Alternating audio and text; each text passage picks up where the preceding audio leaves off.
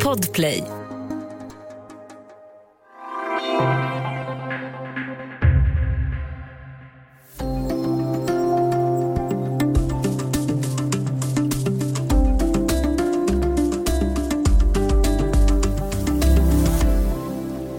Kina markerar hårt mot Taiwan med militära flygningar i den taiwanesiska säkerhetszonen. Hur stor är risken för att konflikten om Taiwan eskalerar utom kontroll? Välkommen till Studio DN. Jag heter Sanna Thorén Björling.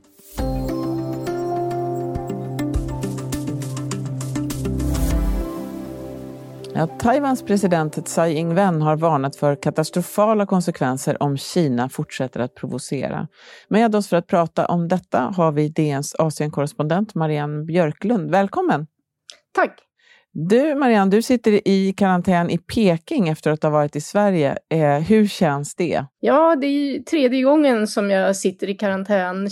Kina, har ju väldigt hårda kontroller på inresande och nu sitter jag då tre veckor här inne på ett karantäncenter, eh, instängd på ett rum. Det är klart att det är lite segt får man säga. Man får inte gå utanför dörren ett steg på de här tre veckorna. Vad gör man om dagarna eh, förutom att jobba? Eh, ja, nej men eh, jag eh, jobbar ju som sagt. Eh, sen läser jag böcker, tittar på serier. Många timmar går åt till att försöka få en okej internetuppkoppling. Så på något sätt går tiden. Eh, vi hoppas att du snart kommer ut där. Vi ska prata om Taiwan idag. Vi kan väl börja med att eh, du kan få berätta, var ligger Taiwan egentligen? Ja, det är ju en ö som ligger i Stilla havet eh, nere på syd, ö, sydöster om fastlandskina. Vid det närmsta stället då, över Taiwansundet, så är det 11 mil till Fastlandskina. Taiwan har ju ungefär 23 miljoner invånare och fungerar som en självständig stat, har en president och demokrati och så, men erkänns ju bara av ett fåtal andra länder. Hur kommer det sig? Ja, det är ju alltså Taiwan det bildar, eller det kan man ju inte säga, men när, efter inbördeskriget i Kina, när kommunisterna vann över nationalisterna, då var det till Taiwan som Chiang Kai-shek och, och Hans militär tog sin flykt och då började styra Taiwan. Och inledningsvis så, så var det faktiskt Taiwan som erkändes eh, internationellt och Taiwan som satt i FN och alla internationella organisationer.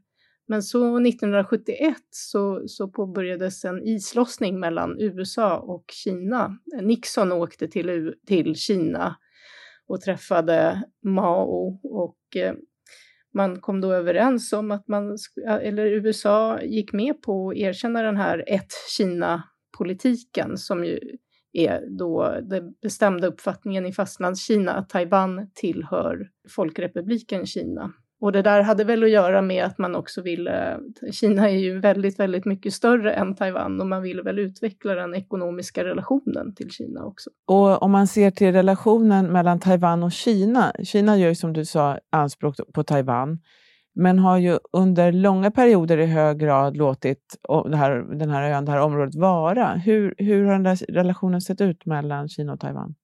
Ja, nej men det har ju blossat upp konflikter med jämna mellanrum. Varenda ledare för kommunistpartiet, ända sedan Mao till Xi Jinping idag, har ju hävdat att Taiwan tillhör Folkrepubliken Kina och Taiwan måste införlivas i Kina för att Kina ska känna sig helt att Kina ska vara fullödigt. Och sen har det väl varit lite, mm, varierat lite hur hårt man har drivit den frågan. Men, men om man ser det från kinesiskt håll så är det inte en fråga som man kan rucka på. Det bara är så. Taiwan tillhör Kina. Vad tycker taiwaneserna själva om Kina? Ja, de har ju blivit allt mer skeptiska till Kina. Taiwan har ju utvecklats eh, till en fungerande demokrati. Man har fria val, man har yttrandefrihet. Det var det första asiatiska landet i världen att godkänna samkönade äktenskap. Det är ett ganska progressivt samhälle. Och det här är ju rättigheter som de för allt i världen inte vill gå miste om. Eh, och undersökningar visar att taiwaneser identifierar sig i allt lägre grad som kineser, även om majoriteten av befolkningen rent genetiskt är hankineser så identifierar de sig inte så alls. Jag tror den senaste undersökningen visade ja, om det var 88 procent som, som inte alls kunde känna sig att de var kineser. Så de har ju glidit allt längre bort ifrån, ifrån Folkrepubliken Kina. Och nyligen då, eh, om vi kommer tillbaka till vad som händer just nu, så har ju Kina återigen kränkt det taiwanesiska, den taiwanesiska säkerhetszonen med stridsflyg minst 150 gånger. Kan du bara sammanfatta, vad är det som har hänt de senaste veckorna? Ja, det, var ju, det började ju då på, på Kinas nationaldag 1 oktober när man flög in med jag kommer inte ihåg exakt hur många stridsflygplan, men man, man åkte då in över den här så kallade flygförsvarszonen. Man har alltså inte kränkt Taiwans luftutrymme, för det är en mindre område, utan flygförsvarszonen. Och man fortsatte göra det tre dagar i rad och eh, det blev ju, ja vad var det, 156 inflygningar och det är ju oerhört provocerande förstås. Varje gång ett sådant flygplan åker in så, så åker ju taiwanesiska stridsflygplan och möter dem för att identifiera vad är det för några. Och man får väl se det som en, en provokation och maktuppvisning från Kinas sida, att man vill visa att eh, vi, vi har kapacitet och eh, ni ska inte komma här och, och tro att ni är ni kan utropa, alltså det är Kina, det, det, det som allra värsta som skulle kunna hända är ju att Taiwan säger formellt att de är självständiga. Men det har ju inte den nuvarande presidenten, hon balanserar ju hela tiden på den linan och hon är ju väldigt noggrant med att inte göra det. Hur har Kina utåt då motiverat det här agerandet? Eh, president Xi Jinping har ju talat om en fredlig återförening med fastlandet. Eh, ska man tro på det? Ja, det, det där går ju lite fram och tillbaka. Ibland säger han fredlig och ibland så säger han vi kan inte utesluta en militär invasion. Men han sa ju i helgen precis det du sa, att de vill se framförallt en fredlig invasion och det får man väl se som en liten kanske nedtrappning där i aggressionen då. Men eh, samtidigt så vill man väl visa att man har militära resurser och eh, en del tror ju att det här att flyga in med fler plan i den här flygförsvarszonen är ett sätt att skrämma Taiwan. Att man genom, man kallar det skugg, skuggoperationer, att man liksom ska nöta ut både den taiwanesiska militären och befolkningen så att de till sist bara ska känna att ja, nej men vi måste nog gå med på någonting. För jag tror inte, Kina vill nog heller inte invadera militärt, det vill de, de vill ju såklart i första hand att det blir en fredlig återförening.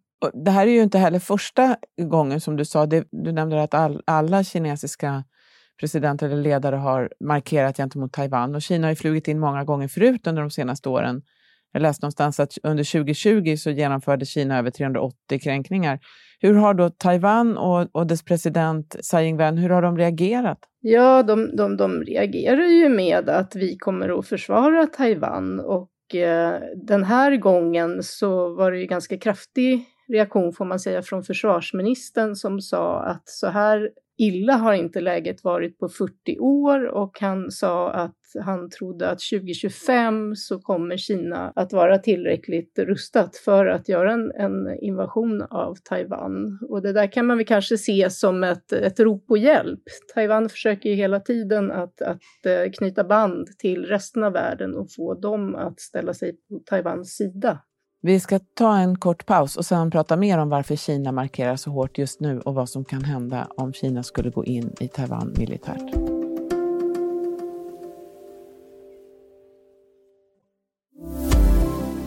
Studio DN idag med Dagens Nyheters Asienkorrespondent Marianne Björklund. Vi pratar om Kina och Taiwan.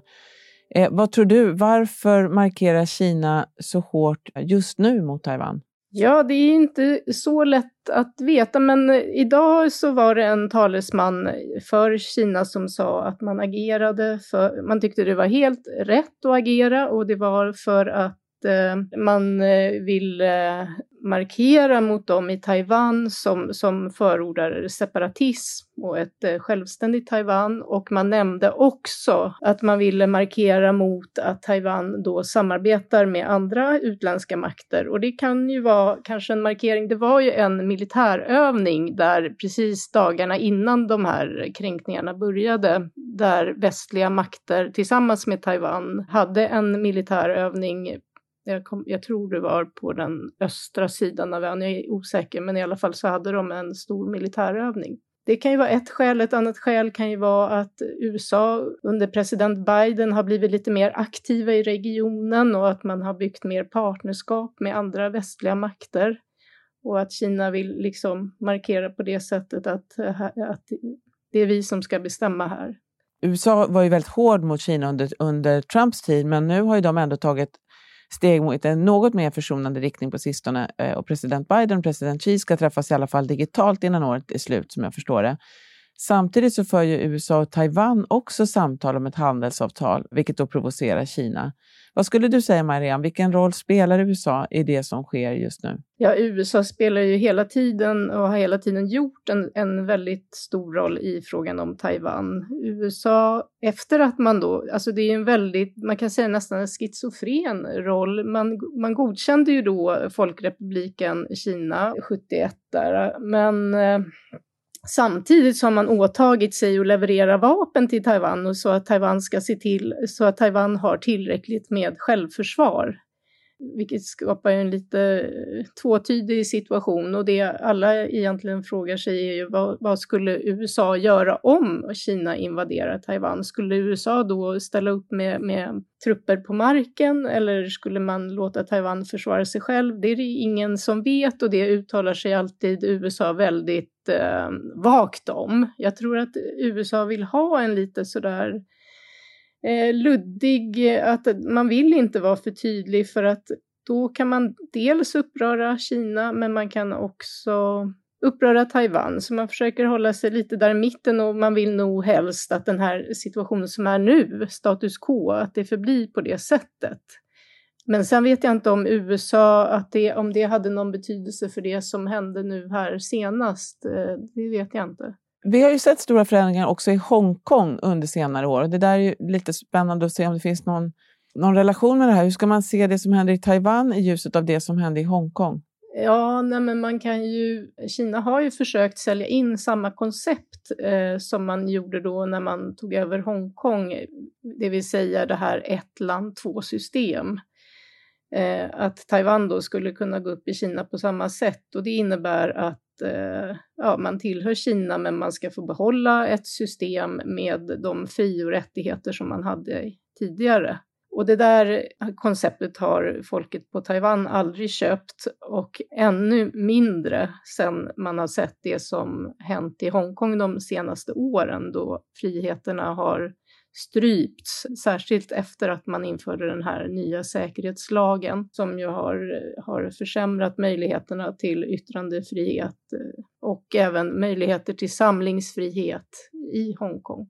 Om vi ser lite grann framåt då, du var ju inne på det, eh, att Kina egentligen inte vill behöva eller anser sig behöva gå in militärt.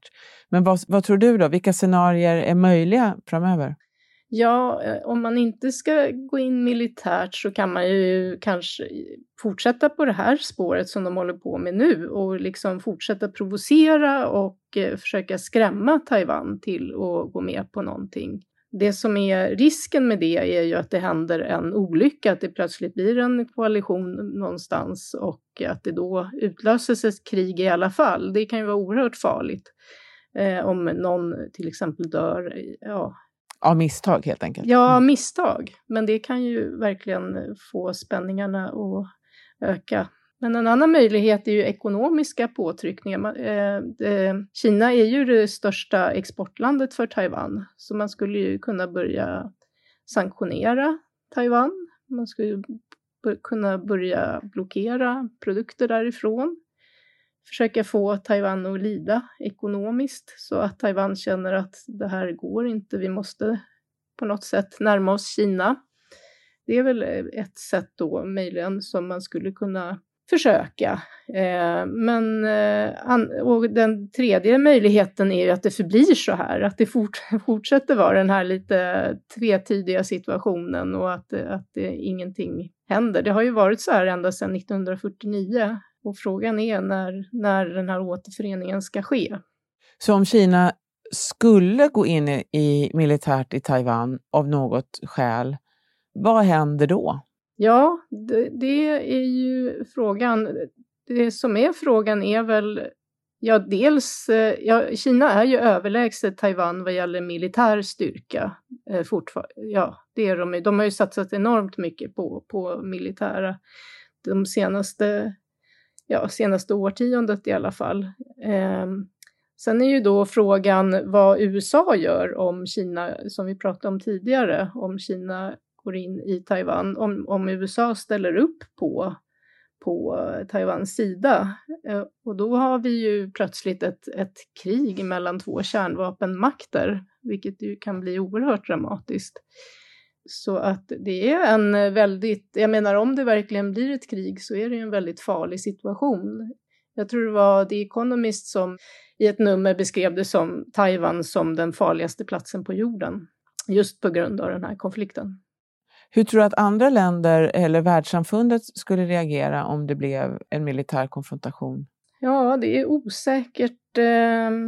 Japan har ju allt mer eh, ställt sig, blivit allt mer tydliga i sitt stöd för Taiwan. Men å andra sidan har ju Japan eh, eh en lag som säger att man inte ska, sedan andra världskriget, att man inte ska delta i militära konflikter eh, utanför Japan.